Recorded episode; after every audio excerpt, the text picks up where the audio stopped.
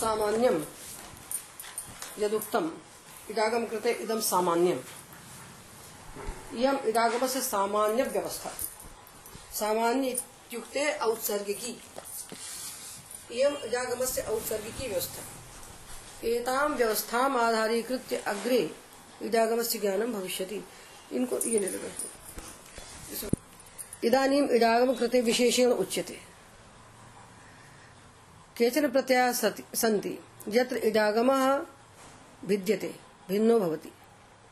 यथा लिट् लकारे आदौ लिट् लकारम् अहम् अध्यापयिष्ये अतः लिट् लकार कृते मया उच्यते। सामान्यं तु सर्वेषां कृते भवति। विशेषः केवलं विशेषस्य कृते भवति। यथा अयं मार्गः अस्ति पुरतः। मार्गस्तु सर्वेषां कृते। तत्र राजा अपि चलति भिक्षुकोऽपि चलति। किन्तु यद् गृहम् अस्ति तत् सर्वेषां कृते न ठीक है? इदं पाणिनिशोधसंस्थानं ये सन्ति पाणिनेः अध्येतारः, तेषां कृते अस्ति। किन्तु मार्गः सर्वेषां कृते अस्ति। एवमेव या व्यवस्था उक्ता, सा व्यवस्था सर्वेषां कृते अस्ति। इदं विशेषेण उच्यते। यस्य कृते विशेषेण उच्यते, तस्य कृते विशेषेण यस्य कृते किमपि नोच्यते तत्कृते सामान्यम। ठीक है ना? जिसके लिए विशेष कहेंगे, उसके लिए विशेष होगा। जिसके लिए कुछ नहीं कहेंगे, उसके लिए सामान्य। ये पाणिनि का टेक्निक है। तरीका है। ये तरीका है। इससे क्या हुआ है कि जो कहा गया है, यत चतुस्सहस्रैः सूत्रैः उक्तम तत्व न्यूनम यन्नोक्तम, तदधिकम। जो कहा है पानी ने चार हज़ार सूत्रों से, उससे दस प्रतिशत शब्द भी नहीं बनते। और जो नहीं कहा है, उससे नाइन्टी परसेंट से ज़्यादा शब्द बनते हैं। वहाँ क्या करना चाहिए हमको? वहाँ सामान्य शास्त्र। इसलिए सामान्य विशेष का अलग से ज्ञान होना चाहिए। सामान्य विशेष का सामान्य इडागम बता दिया हमने आपको सबका अलग अलग सामान्य है। इडागम का सामान्य, अंगकारी का सामान्य, संधि का सामान्य, सबके अलग अलग सामान्य है। और उस सामान्य को जान करके विशेष जिसके लिए कहा है उसमें विशेष करिए। यस्य कृते विशेषण के उच्यते तस्य कृते विशेष शास्त्रम। यस्य कृते कभी न उच्यते तस्य कृते सामान्यम शास्त्रम। ठीक है? अब देखिए लिट लकार से कृते इदानीं विशेषण उच्यते। आदौ सूत्रम अस्ति पुस्तकम क्री श्री भ्री व्री। स्तू ध्रु श्रु श्रो, लेकिन सूत्र संख्या बोल दो खाली। हमको अष्टाध्याय दे दो बेटा। अष्टाध्याय हमको दे दो। हाँ। क्री श्री भ्री व्री स्तु ध्रु श्रु श्रो लिखि इदानीं नियमसूत्रम् अहं वक्ष्यामि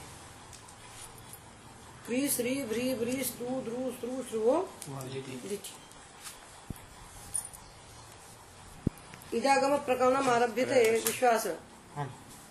सप्तमाध्याय से द्वितीय पादे अष्टमं सूत्रम। नेट वशिति इत आरभ्य अष्टसप्ततितमं सूत्रं वर्तते ईड जनो द्विच इत्यन्तम् इदागम प्रकरणं वर्तते।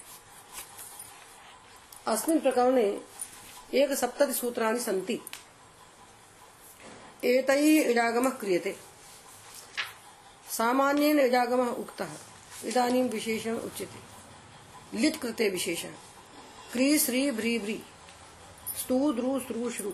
एते अष्टौ धातवः सन्ति किमुच्यते अनेन सूत्रेण? क्री श्री भ्री व्री। क्री की- कीदृशो धातुः? सेट्वानित् वा क्री श्री भ्री व्री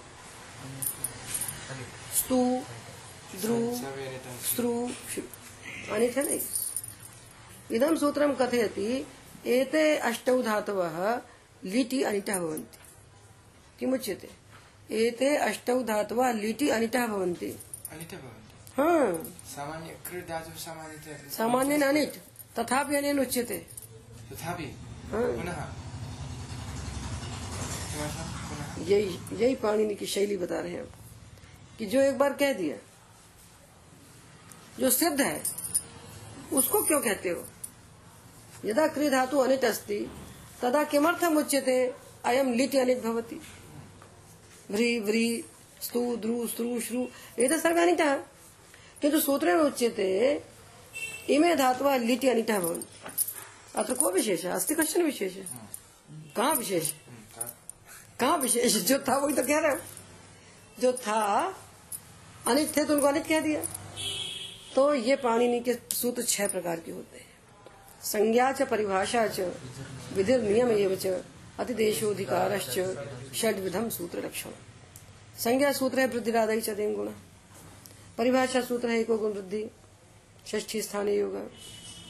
विधि सूत्र है जो विधान करते हैं सा धातु का धातु की हो अतिदेश सूत्र हमने बताया सा धातुक मपित। अब आपको नियम सूत्र बता रहे हैं। ये नियम सूत्र है।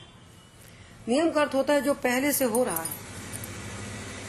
यद कार्यम पूर्व में सिद्धम अस्ति तत्कार्यम यदि केनचित सूत्रेण पुनः उच्यते।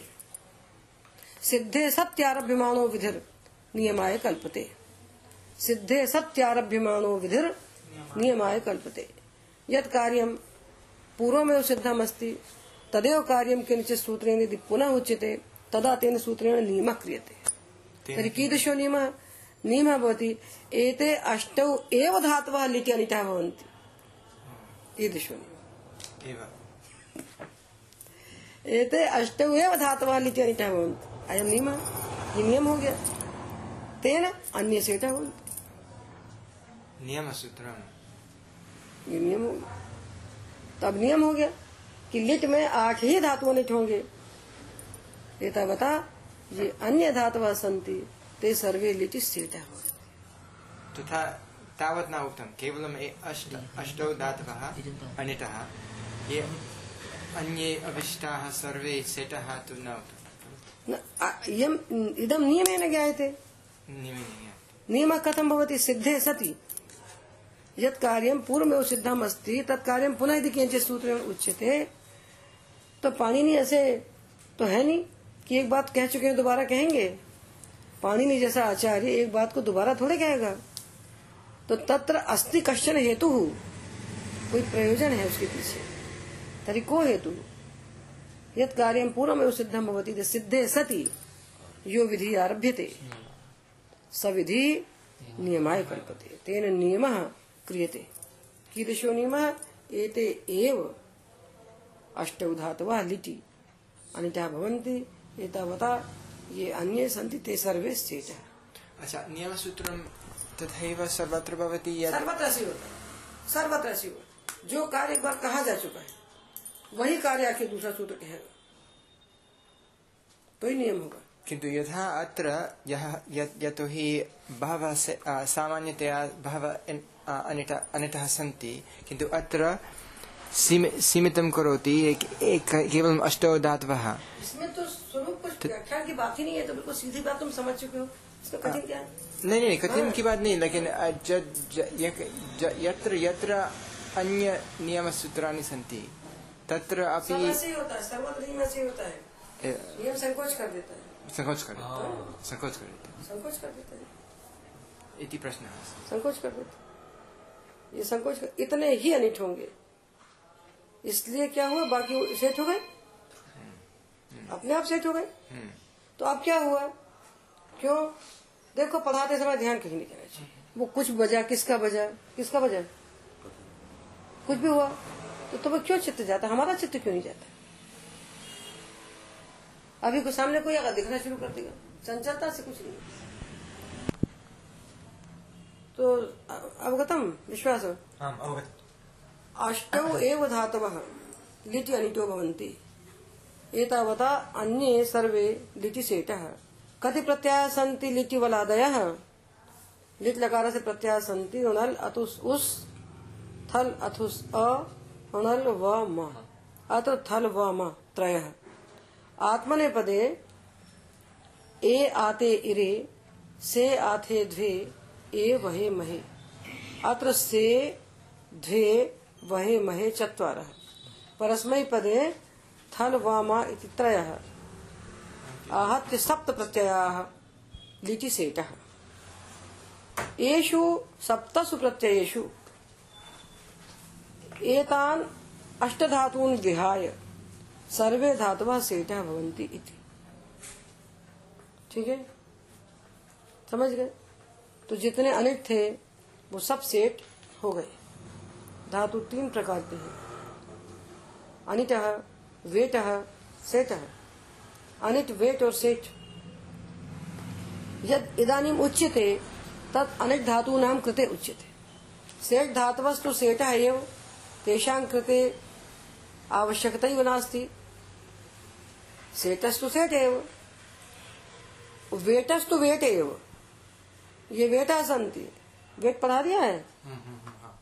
वेटस्तु वेट एव सेटस्तु सेट एव यदि दानी उच्यते, तत् अनिक धातु नाम कृते विशेषण उच्यते।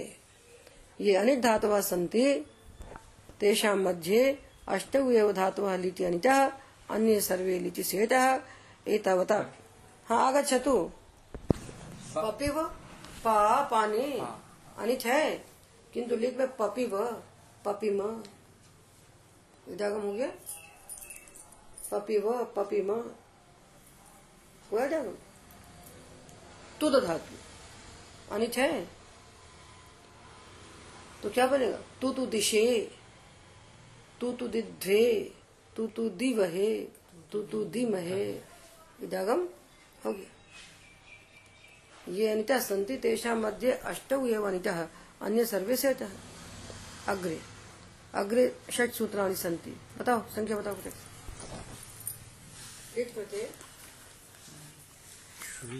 सिक्सटी वन सिक्सटी वन से देखो। सिक्सटी वन उपदेश इदानीं कृते उच्यते sixty one two sixty six. अब एतैः सूत्रैः किमुच्यते तेन सूत्रेण तो सर्वे धातु अष्ट अष्टधातून् विहाय। सर्वे धातवः, लिटि सेटः कृताः। उसने तो सब धातु को लिट में सेट कर दिया आठ को छोड़कर। तो ये छह सूत्र कहते हैं नहीं। थल के लिए हम बताएँगे। थल के लिए ये बताएँगे। सात प्रत्यय हैं, सप्त प्रत्यय सन्ति तर्हि सप्तानां कृते तेन सेट्त्व मुक्तम। तर्हि इमानि सूत्राणि किं कथयन्ति? थल कृते व्यवस्थां वयं करिष्यामः। अन्येषां कृते व्यवस्थां त्वं कुरु। तो छह प्रत्यय के लिए सेट करेगा वो क्योंकि ये छह सूत्र बैठे हैं थल के लिए। ये छह सूत्र थल की व्यवस्था करेंगे। तो वो किसके लिए हो गए? छह प्रत्यय के लिए। एता बता इदम निश्चितम यत व म से द्वे वही मही। एतेषु षट्सु प्रत्ययेषु सर्वे अनिक धातव सेट है ये तो निश्चित होगी।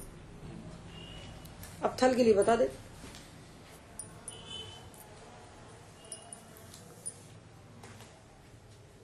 लिख लो जो लिखना चाहो। लिख नोट कर लो।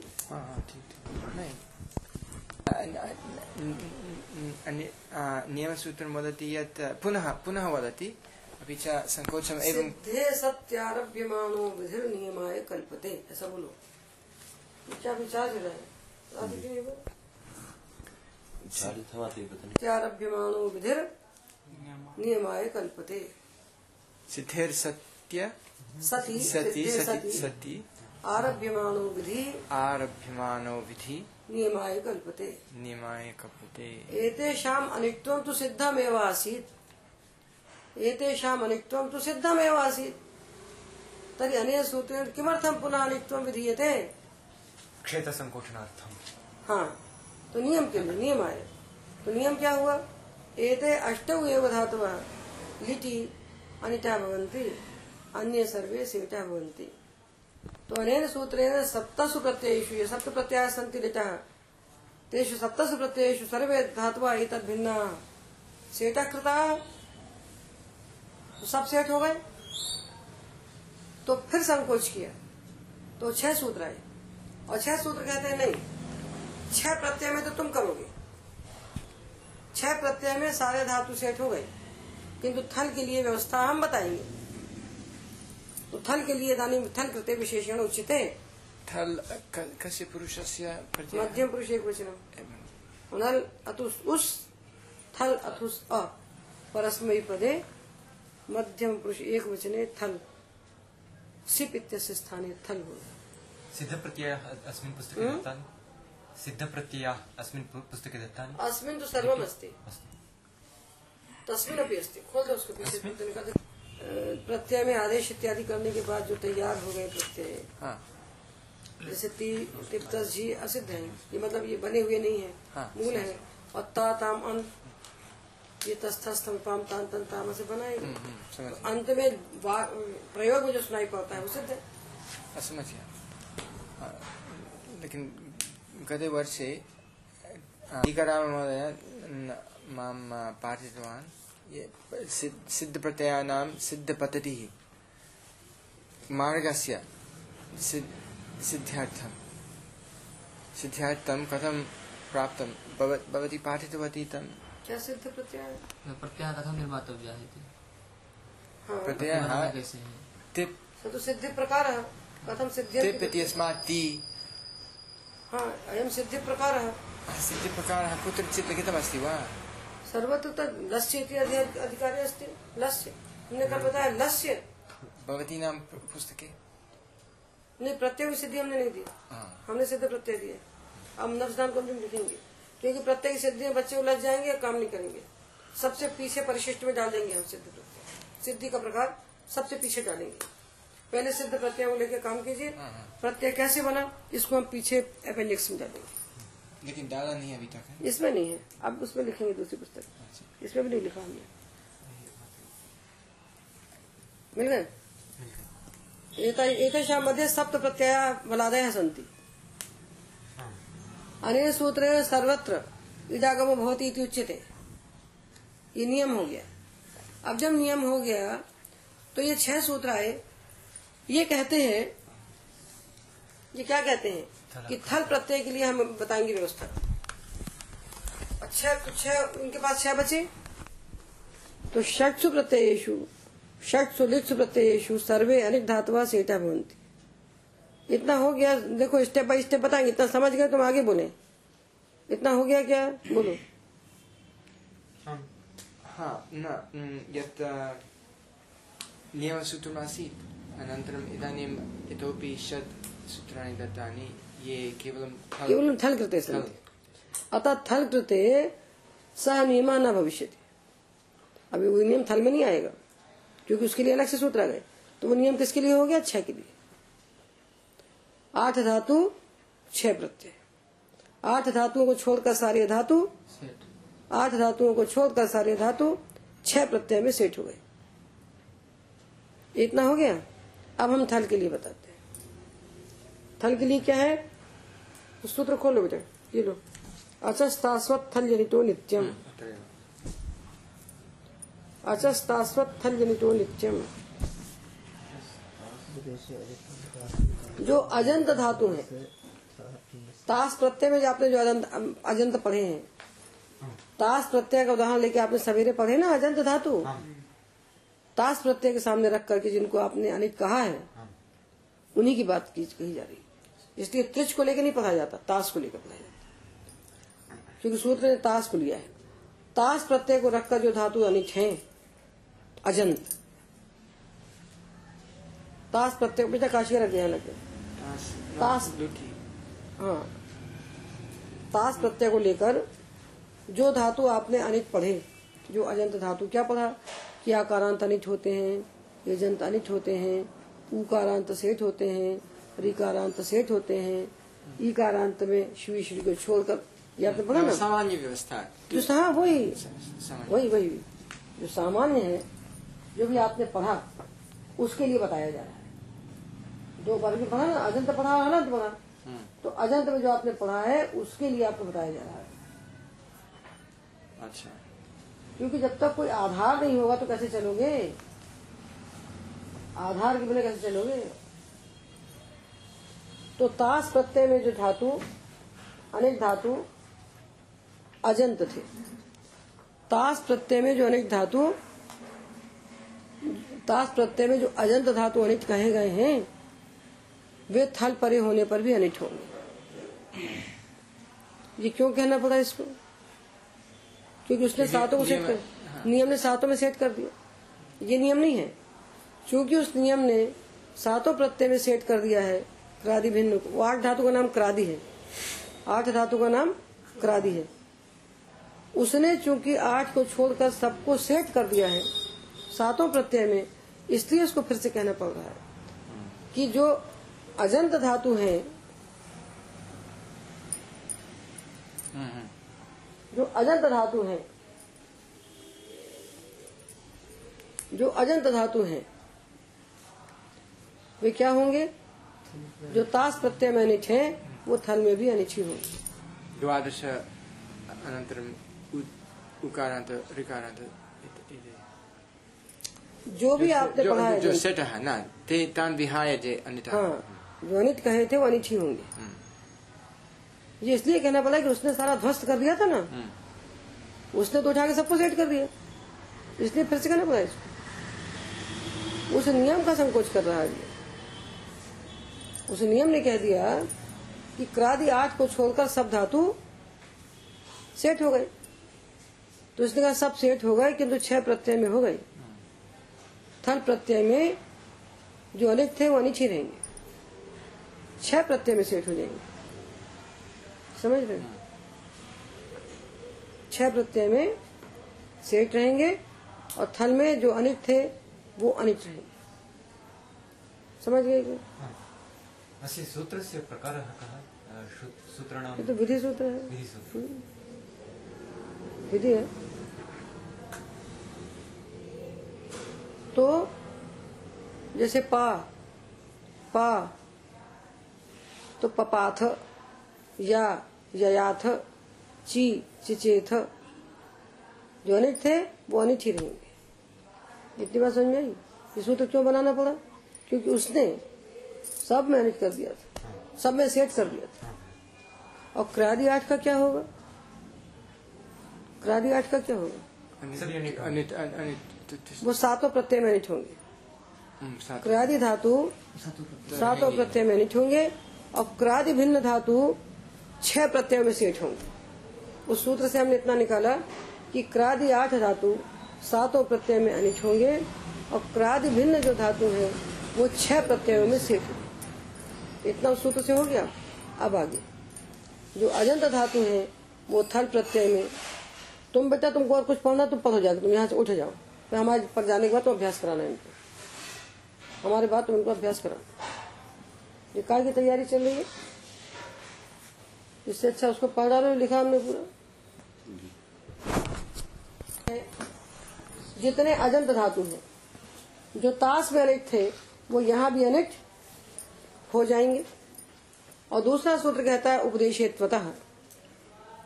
उपदेशावस्था में जो अत्वत धातु है अनिच अभी आपने 102 अनिच पढ़े, ककारांत से हकारांत तक 102 अनिट आपने पढ़े। इन 102 में अत्वत कितने हैं जिसमें अ हो जिसमें अवर्ण हो? शक वच शक वच त्यज अनिच है ना? उपधायाम् उपधानी अत्वत। कुत्रापि। धातु। अत् भवेत् कुत्रापि। जैसे भ्रज भ्रज अत्र उपधायम नास्ति किंतु अयम अत्वत। अत्वत धातु। अत जिसमें हो। अत्वम्। अत यानी ह्रस्व अ, अत अत्वत धातुः त्वान् अत्वान धातु हो जिस धातु में ह्रस्वकार हो ऐसे धातु है तैतीस उसमें देखो जागा में कितने कितने लिखे हैं तैतीस हैं गिनो हाँ तैतीस है कि इकतीस है गिनो तो ये धातु जैसे सद शद सद शद मन हन हुआ मन हन दह है तेषाम ये ये धातु जो है इनको थल में इडागम नहीं होगा इनको थल में आगम नहीं होगा इडागम नहीं होगा इनको थल में इडागम नहीं होगा उसके बाद एक सूत्र आता है, ऋतु भारद्वाज इसलिए कितने हैं? अट्ठाईस है। देखो, ऋतु भारद्वाज से सुनो। पहले उसको पढ़ो, ऋतु भारद्वाज से पहले ऋतु भारद्वाज से पढ़ो। भारद्वाज आचार्य कहते हैं कि जो ऋकारांत अनिट धातु है, जो ऋकारांत धातु है, सुनो, जो ऋकारांत धातु है, उनको भारद्वाज आचार्य के मत में थल परे होने पर इडागम नहीं होगा उनको भारद्वाज आचार्य के मत में थल परे होने पर इडागम नहीं होगा जिससे क्या हुआ? ये भी पहले से सिद्ध था। इसमें फिर वही हो गया कि रिकारान धातु तो हमारे अनिट थे ही। रिकारांत तो अनिट है ही। तो उनको आपने अनिट कर दिया। ये फिर नियम हो गया। रिकारांत तो हमारे अनिट ही उनको तुम क्यों अनिट करते हो? जिससे फिर नियम हुआ कि भारद्वाज आचार्य मते न। रिकारांता एव धातु थली अनिटा भवंती अतोन्य सर्वे धातु सेठा भवंती रिकारांत को छोड़कर जितने भी धातु हैं चाहे वो अजंत हो चाहे हलंत हो रिकारांत को छोड़कर जितने भी धातु हैं चाहे वो अजंत हो चाहे हलंत हो सब सेठ हो गए थल में। थल में ही। ये थल की बात है केवल। बाकी सब हो चुका है। बाकी का फाइनल हो गया है। छह प्रत्ययों का फाइनल निर्णय हो गया, अंतिम निर्णय हो चुका है कि छह प्रत्यय में सब धातु सेठ आठ को छोड़ ठीक है ना? अब थल की बात चली तो थल प्रत्यय में ये कहते हैं रिकारांत धातु अनिट होंगे। तो आप कहोगे रिकारांत तो अनिट है ही पहले से।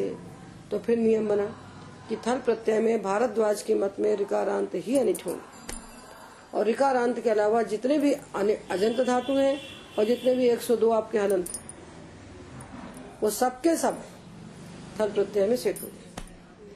तर्हि मतमाश्रित्य सेट्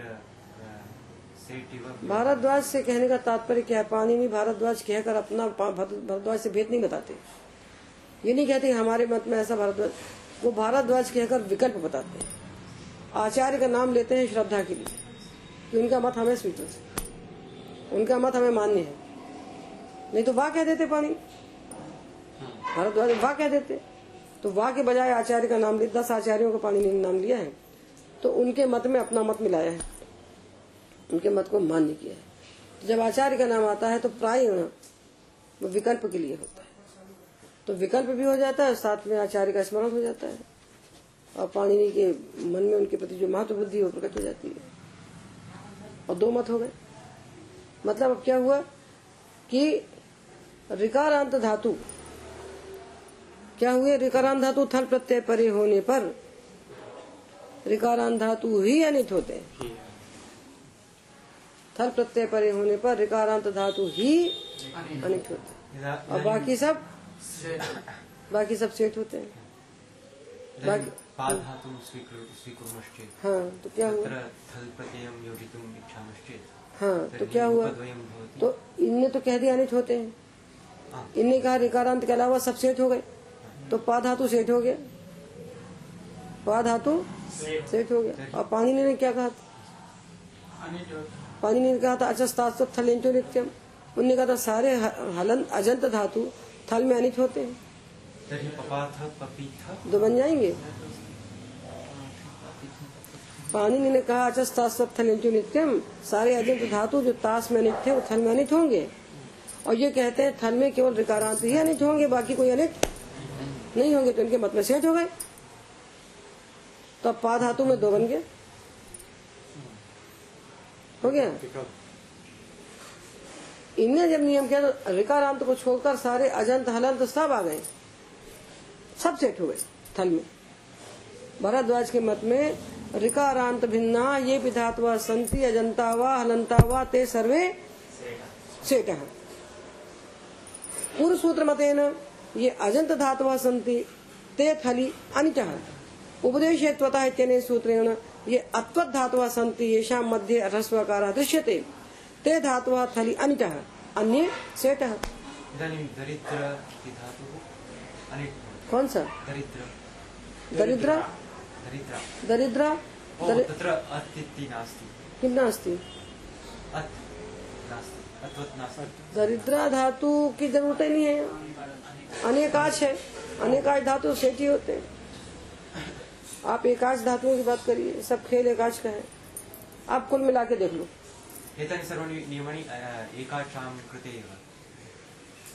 इडागम का, का नाम ही एकाश के लिए है। अब देखिए अब हम पूरा देखते हैं। पूरा देखो सुनो सब मिलाकर। आहत क्रादया अष्टौ धातु सबसे पहले आदौ। सेटा धातवा सेठ एव। ये सेठ संति ते लिटि सेठ एव। ये वेट संति ते लिटि वेट एव। सेठ सेठ रहेंगे, वेट वेट रहेंगे। सारे प्रत्ययों में उनके, उनको हमको नहीं छूना है, उनको टच भी नहीं करना है। सेठा सेठ एव वेटा वेट एव। समझ गए? अब जो अनेक धातु हैं, उनके बारे में बता रहे हैं।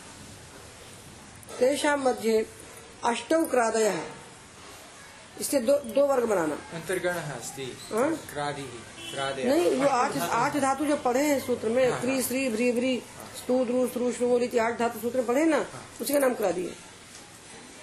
क्रादि क्रियादि नहीं क्रियादि नहीं क्रादी। क्रादिः। आठ धातु है ना बेटा ये? किन्तु तेषु कस्य अस्ति क्रादातुः वा कृ अरे देखो।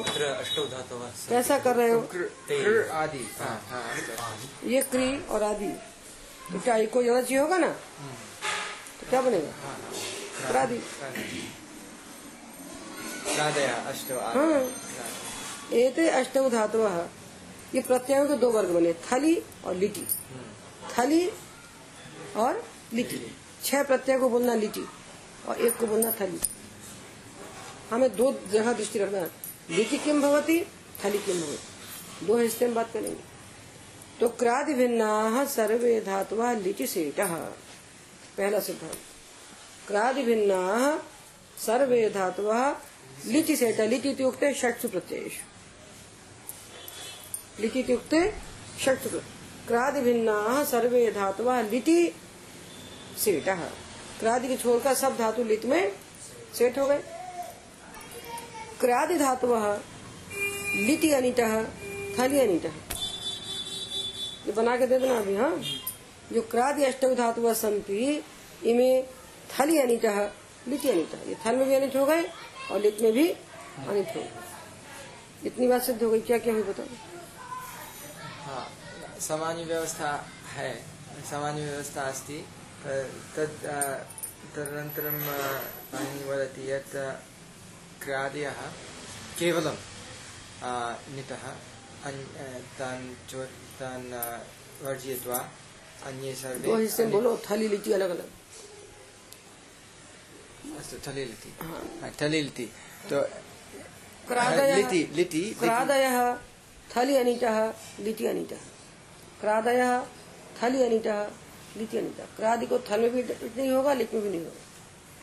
चकर्थ चक्रिव चक्रिम चक्रिशे चक्रिध्वे चक्रिवहे चक्रिमहे क्रादी नाम थली इडागमो न भवति लिटि इडागमो न भवति। ठीक है? ये क्रादि भिन्ना सन्ति। तेषां लिटि इडागमो भवति सर्वेषां। तेषां सर्वेषां लिटि इदानीं भवति। उनको लिट में डागम होगा। अब थल के लिए बात करो। अब थल के लिए बात करो। थल। अब थल के लिए बताएँगे। लिट का तो फाइनल हो गया थली। तसि परे। थली ये अजंता सन्ति ये अजंता सन्ति तेषां मध्ये ऋकारान्तानां थली इडागमो न भवति। अजन्तानां धातूनां मध्ये ये ऋकारान्ता सन्ति तेषां थली इडागमो न भवति। जहर्थ। री। जहर्थ। ध्री दध्वर्थ। अजन्तानां मध्ये ये ऋकारान्ता सन्ति तेषां थली इडागमो न भवति। अन्येषाम् अजन्तानां थली वा इडागमो भवति।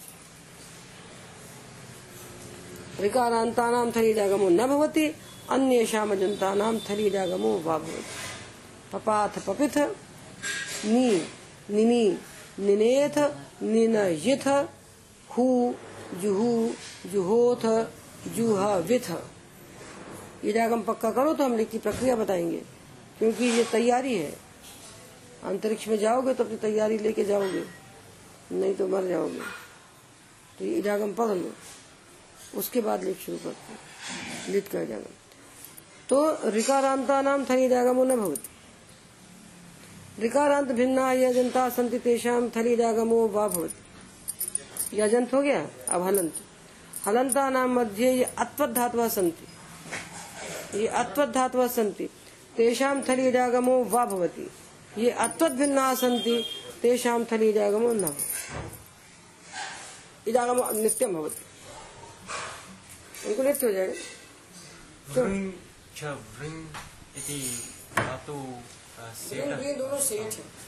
अत्रापि सेटः हाँ सेट है सेट है। प्रिंट तो सेठ है पहले उसके बारे में अलग से बताते पहले इतना समझ लो। जो बताए उसी को समझो।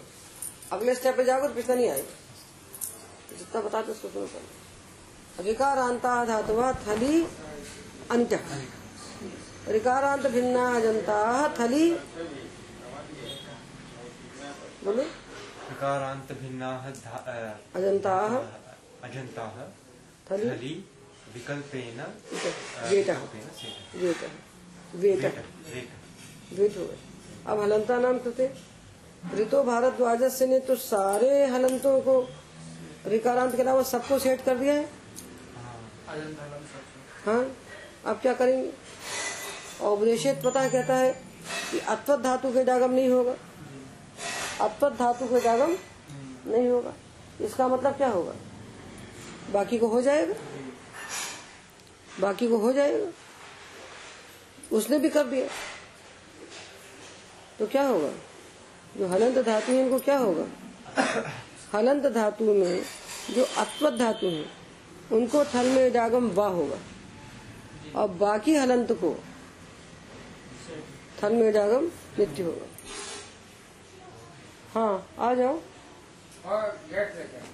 गैस हलन्त धातुः अत्वत् धातवः अ, थली बेटा। है थलि वेटः अन्य? अन्य थली से केवल थल को देखो। ये छह सूत्र केवल थल के लिए। ये षट सूत्रानी केवलम थल संति लिटि कृते तो निर्णय जाता है। लिटि कृते नाम षट्। षट सूत्र। लिट मीन षट। अब दो हिस्से हो गए ना। पहले लिट्टी का मतलब सात था। अब जब इसने थल अलग कर दिया तो लिट का मतलब छह हो गया। लिट का मतलब छह हो गया।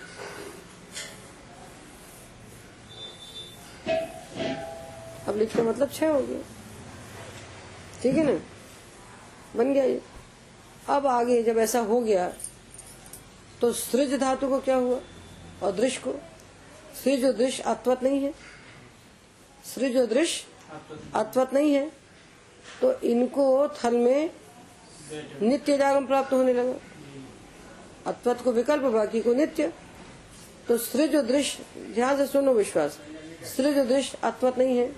तो इनको थल में नित्य जागम प्राप्त हुआ जब नित्य जागम प्राप्त हुआ तो सूत्र आया, विभाषा सृज दिशो हो क्यों नहीं खाली भाषा तो ये कहता ऋतो भारद्वाज के नियम से सारे धातु सेट हो गए थे, थल में। रिकार सब सेट हो गए तो सृज दृश्य भी सेट हो गए थे। तो उनको विकल्प कर दिया इसने कि सृज दृश्य को थल में विकल्प से जागम होगा।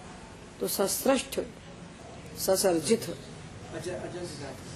कहाँ हलंत है ये तो? सृज दृश्य नहीं ऋतु भारद्वाज ने सबको कह दिया था रिकारांत भिन्न सब धातु अजंत नहीं। मिल गया ना? दोनों खाली है बेटा। देख लो भरा तो नहीं है? तो क्यों तुमको नहीं दिखा? कि रिकार रिकारांत के अलावा सब धातु थल में सेट हो जाते हैं। उसने बड़ा नियम जैसे उसने नियम किया ना कि आठ के अलावा लिट में सब सेट हो गए। ये कहता है रिकारांत के अलावा थल में सब सेट हो गए। तो एक वो नियम है ये नियम है। ये दो नियम है। पानी ने कैसे बनाया इसको तो देखो हम लोग समझने में चकरा रहे हैं।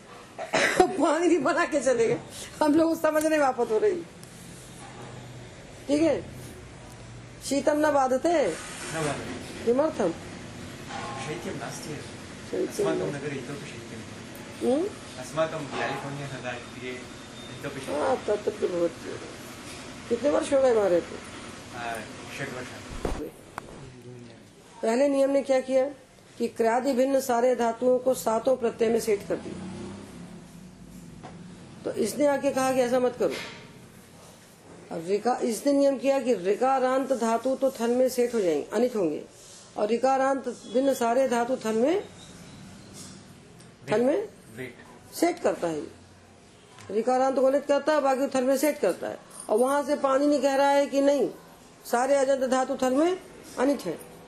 तो दो की खींचा तानी में सब क्या हुए? थल में वेट हो गए रिकारांत अनिट रह गए थल में और बचे हुए अजंत सब थल में सेट हो गए और हलंतों का क्या हुआ? भरद्वाज के नियम से हलंत धातु थल में सेट हो गए थे। तो हलंत धातु सब थल में सेट हो गए। तो पानी के सूत्र अत्वत ने कहा कि नहीं, उनमें से अत्वत जो है थल में वेट होंगे और बचे हुए हलंत धातु थल में सेट होंगे। जब थल में सब सेट हो गए तो सृज दुष भी सेट हो गए। तो विभाषा सृजुषों ने कहा कि सृज दुष धातु थल में वेट होंगे। तो ससर्जित सश्रेष्ठ ददर्शित, दद्रक्ष, ये बन गया। अब एक सूत्र आया इदत्यर्थ व्यक्ति नाम इट अर्थ गुड्डी आई क्या? उसको दे दो खाने को। अत्य अर्थ व्यक्ति नाम अद धातु। कैसा है? अत्वत। अत्वत है? तो क्या होना चाहिए? थल में वेट होना चाहिए? इसने कहा नहीं। अध धातु थल में सेट होगा ये विशेष सूत्र है। आया री धातु। री। तो री धातु ऋतु भारद्वाज के नियम से थल में अनित होना चाहिए। इसने उसको सेट कर दिया। तो आदिथ, आरिथ। और व्यय धातु आकारांत है। व्यय धातु एजेंट है एजेंट यानी आकारांत। तो ये थन में वेट हो रहा था। इसको भी थन में सेट कर। तो तीन धातुओं को आदिथ आरिथ और व्ययित ये तीन धातुओं को थन में सेट कर दिया ठीक है? अब रह गया एक सूत्र आपका, जो चौसठ सूत्र है, बभूथा ततंत्र जगृभ जगृभ बवर्थे निगमे अब व्री धातु हमने पढ़ा कि व्री धातु तो सेठ है। व्रिंग व्री सेठ है व्रिंग व्री तो सेठ है तो व्रिंग व्री जो सेठ था उसको उसने क्रीसरी भ्री व्री में डाल करके उसने कहा कि ये धातु तो सारे ये धातु सब प्रत्यय में अनित हो गया ये कहा उसने क्री श्री भ्री भ्री में सात धातु अनित है और व्री धातु सेठ है क्री श्री भ्री व्री सु ध्रु श्रु आठ धातु में अष्टौ तत्व वृद्ध धातु तो सेठ अन्य सप्त अनिता संति तो वृद्ध धातु को उसने अनित कर दिया? और ये कहता है कि वेद में ववर्थ बनाओ। ये कहता वेद में ववर्थ बनाओ। तो जब वृद्ध धातु को उसने अनित कर दिया था तो ववर्थ तो बन ही रहा था। जब उसने वृद्ध धातु को अनित कर दिया था तो ववर्थ ही बन रहा था ववृत तो बन ही रहा था। तो इसने कहा, ववर्थ निगमे। ववर्थ बनेगा निगम, यानी वेद में। तो फिर क्या होगा? लोक में ववृत बन जाए। तो वृद्ध धातु का के लिए ये हुआ कि वृद्ध धातु थल परे होने पर लोक में सेठ और वेद में ये हो गया थल पूरी। ये लिख का इडागम हो गया। ये व्यवस्था है पाणिनि की। और सिद्धांत कौमुदी पढ़ते हैं तो उनमें उसमें क्या होता है उसको भी समझ लो। वो धातु पाठ एक बार देख लो, जो पानी का धातु पाठ, उसकी शक्ल देख लो एक बार। उसमें कोई क्रम नहीं है। और एक धातु लेते हैं, उसके दस लकार बनाते हैं, फिर एक धातु का दस लकार बनाते हैं। तो ये सारे सूत्र यहाँ वहाँ चले जाते हैं। ये सूत्र आपको देखने को एक साथ मिलते ही नहीं कभी। इसलिए ज़िंदगी भर पढ़ने के बाद लिट लकार का इडागम नहीं बनता। ज़िंदगी भर लिट का इडागम नहीं बनता। पाँच सूत्र छह सूत्र ये हैं, वो सात सात सूत्र में सारा इडागम हो गया। अब हम जान गए आगे लिट पढ़ने। दिखा दो पीला वाला धातु पाठ थोड़ा बनाया। अब उनके पीछे जो दूसरा प्रयोजन पर पानी को पता नहीं था कि हमारे मरने के बाद लोग ऐसा लकार दस दस लकार बनाने लगेंगे। तो इसलिए पाणिनि का मतलब है कि उनने जब एक प्रकरण बनाया है तो आप जब घुस रहे हैं लिट लकार में, लिट लकार में, वो जो समुद्र में घुसता है, वो अपना ऑक्सीजन साथ में लेके जाता है। जाता है? गोताखोर अपना ऑक्सीजन साथ में लेके जाता है, मर जाएगा। तो आप लिट में घुस रहे हो। तो लिट का विजागम, लिट का अतिदेश, ये पढ़ के जाना पड़ेगा और लिट का धात्वादेश, ये ये पानी ये पानी का धातु। ये पानी का एक क्रम। नहीं। इसको लोग रख लेते हैं। ये देखिए, भू आया। भू के बाद एद आ गया। एद के बाद स्पर्ध आया, फिर गाध आया बाद इनके सबसे अलग अलग रूप बनेंगे। अब कैसे डागम आप समझोगे इसमें ये ये ये सिद्धांत का लिखा गया ये पानी का धातु पाठ। इसी क्रम से सिद्धांत कुंडी ने क्या किया? एक धातु लिया इसके दस प्रकार बनाए। भू से भवती बभूव भविता भविष्यति ऐसे दस बनाए। फिर दूसरा लिया उसके दस बनाए। इसी क्रम से धातु को उठाया है और दस दस लकार बनाए। ये धातु पाठ सिद्धांत अ, कुत्र अस्ति? ठीक। अष्टाध्यायी में धातु पाठ क्यों होता पाणिनि के पाँच पाठ है। सूत्र पाठ धातु पाठ गण पाठ उनादि पाठ और लिंगानुशासन। ये पाँच मिलाकर पाणिनि शास्त्र कहलाता है। अष्टाध्यायी उनमें से क्या है? सूत्र पाठ। सूत्र पाठ। ये धातु पाठ। इसके बाद गण पाठ फिर उनादि पाठ और लिंगानुशासन। पाँच पाठ मिलकर पूरा व्याकरण शास्त्र चलता है। अच्छा मतलब पाँच अलग अलग पुस्तक। पाँच अलग अलग पाठ है। पाठ मतलब पुस्तक। हाँ। वो पाँच मिला के पाणिनि शास्त्र बनता है। तो इसमें ये धातु पाठ जो है, जैसा रफ मटेरियल ज़मीन से निकलता है ना, और वैसे लेके खा लो, जैसे मूली आई, ज़मीन से निकलती वैसे खा लो। इसके बारे में विचार ही नहीं किया किसी ने, कि जैसा है वैसी क्रम में चलने लगे। इसको इन सूत्रों के साथ जोड़ करके हमें कैसे चलना चाहिए, किसी ने विचार ही नहीं किया। और एक एक धातु के दस दस लकार बनाने लगे। तो दो गलतियाँ हुई इतिहास में। पहला तो इसी क्रम से धातुओं को ले लिया। और दूसरा दस लकार बनाना शुरू कर दिया चार और छह का डिवीज़न नहीं किया। इसलिए जटिल हो गया। चलो अब इसको आप समझिए। सूत्रं ये निपातन कहलाते हैं। निपातन का अर्थ क्या? ये व्याकरण में निपातन होता है। निपातन का अर्थ होता है कि आप लोक में बनाते हो बभूविथ विधागम होगा बभूविथ और वेद में बनता है बभूत। ये शब्द वेद बनते हैं। ये वेद बनते हैं। निपातन पाणिनि तब करते हैं। जब पाणिनि एक सूत्र बनाते हैं तो एक सूत्र से हज़ारों शब्द बन जाते हैं। अगर एक हज़ार सूत्र लगा के एक शब्द बनेगा, तब पाणिनि सूत्र नहीं लगाते। जैसे ये कपड़ा लाए खरीद के दो मीटर दो मीटर कपड़ा लाए, दो सौ रुपये का, और सौ रुपया सिलाई दे दी, तीन सौ रुपये में शर्ट बन गई। मार्केट में लेने गए तो डेढ़ सौ रुपये बनी बनाई मिल रही थी रेडीमेड तो कौन कपड़ा लेके सिलाएगा तो ये पाणिनि के रेडीमेड शब्द। ये रेडीमेड शब्द है। पाणिनि इस पे सूत्र नहीं लगाते। क्योंकि सूत्र उनमें ज़्यादा बनाना पड़ते उनको। इतने सारे प्रयोग बनाने के लिए उनको उतने सूत्र बनाना पड़ते। क्योंकि भू धातु से बभूवित बन रहा है लोक में। अब वेद में बबूत बनाने के लिए उनको सूत्र बनाना पड़ता है। फिर जगृ में बनाने के लिए इतने इतने सारे सूत्र बनाना पड़ते तो दस सूत्र पर लगा के अगर दो शब्द बनते हैं। तो पानी नहीं कहते दो शब्द ऐसे ही। इसको निपातन बोलते ये निपातन कहलाता तथा तथा इडत्य इडत्यर्ति व्ययतीनाम् इति सूत्रं अ, है। नावगतम् दिया हमने? अहं परन्तु अहं न अरे अद री और वे ये तीनों धातु अनेक थे ये सब थर प्रत्यय में सेट हो जाएँगे।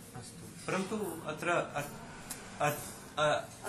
अर्ति इति अस्ति। अ, अद्धातुः कुत्र अस्ति? का रूप अस्थि है। अद को अत्ति से कहा है? अर्ति। और री को अर्थी से कहा है। और वे को व्ययति कहते हैं। धातु के लिए इष्टिपऊ धातु निर्देशे। ये सब लिख लिया करो इष्टिपऊ धातु निर्देशे। जब सूत्र में धातु कहना होता है पाणिनि को तो या तो इक लगा देते हैं उसमें या स्टिप लगा देते हैं। वनति तनोति। वनति तनोति। अति अर्ति, व्ययति, ऐसे कह देते हैं। भवती। इंदी भवतीभ्याम च। तो धातु जब सूत्र में कहना होता है उनको तो या तो स्टिप लगा के कहते हैं और या इक लगा के कहते हैं। मिदेर गुण। तो मिधि बोल दिया मिधि मिदेर गुण मिधि है। मृजे वृद्धि में मृजी है। ये धातु को इक से बताया।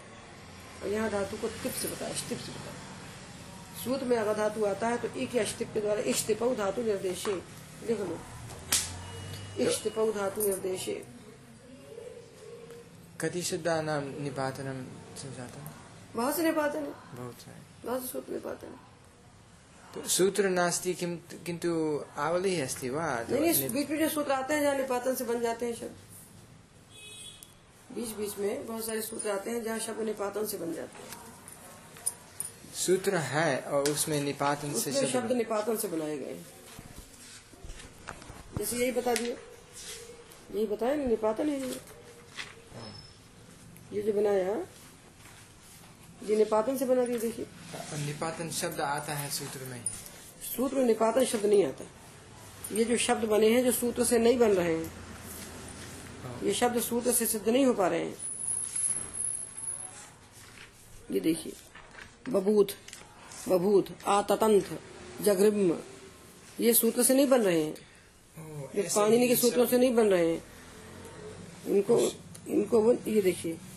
ये ग्रसित इस कभित स्तभित उत्तभित चत्त विकस्ता विशस्त्र शस्त्र ये सब निपातन है। ऐसा ही शब्द बोला ऐसे ही बोला जाता है। इसको तुम सूत्र से मत बनाओ क्योंकि इसको सूत्र बनाओगे तो तुमको बहुत सारे सूत्र लगेंगे बनाने में। जितने शब्द बनना है उससे दस गुना सूत्र लगेंगे बनाने में। समझ। गए? इसको ये सब निपातन है। पूरा थर्टी फोर सूत्र जो है निपातन है हाँ। अच्छा और संज्ञा प्रकरण संज्ञा प्रकरण में निपातन शब्द है? नहीं कहीं कहीं नहीं शब्द निपातन। और निपातन पाणिनि का शब्द नहीं है? कहीं नहीं है सब भाष्य भाष्य से आता ये देखिए। क्षुब्ध स्वांत ध्वांत लग्न मृष्ट। देखो अठारहवा सूत्र है। एटीन अठारह सूत्र है। और थर्टी फोर है। ये सब शब्द निपातन से बने। ये सब निपातन से बने। जहाँ जहाँ आवली ही। क्यों बना है क्षुब्ध निपातन से? बोलिए। क्षुब्ध। आपका धातु है क्षुभ शुभ। शुभ धातु सेठ है क्या नहीं है? शुभ। हम्म। अनिट है? क्यों? उकारांत में छह ही सेट है ना? शुभ उकारांत है कि भकारांत है कहीं का? ही। नालायक है? उकारांत है कि भकारांत है। शुभ सेठ है। क्योंकि भकारांत में यभ रभ लभ तीन अनिट है भा भा तीन ही है। तीन अनिट है तो शुभ से रभ लभ यभ। तो ये सेठ हो गया। तो जब सेठ है तो क्षुब्ध कैसे बनेगा? क्षुभित बनना चाहिए। क्षुब्ध कैसे बनेगा? और क्षुब्ध बनता है। तो इसके लिए ने कह दिया कि विशेष अर्थों में होता है। ये जो है ये विशिष्ट अर्थों में शुद्ध होते हैं अन्यत्र ये क्षुभित बनता है ये सब इसमें लिखा है। अठारह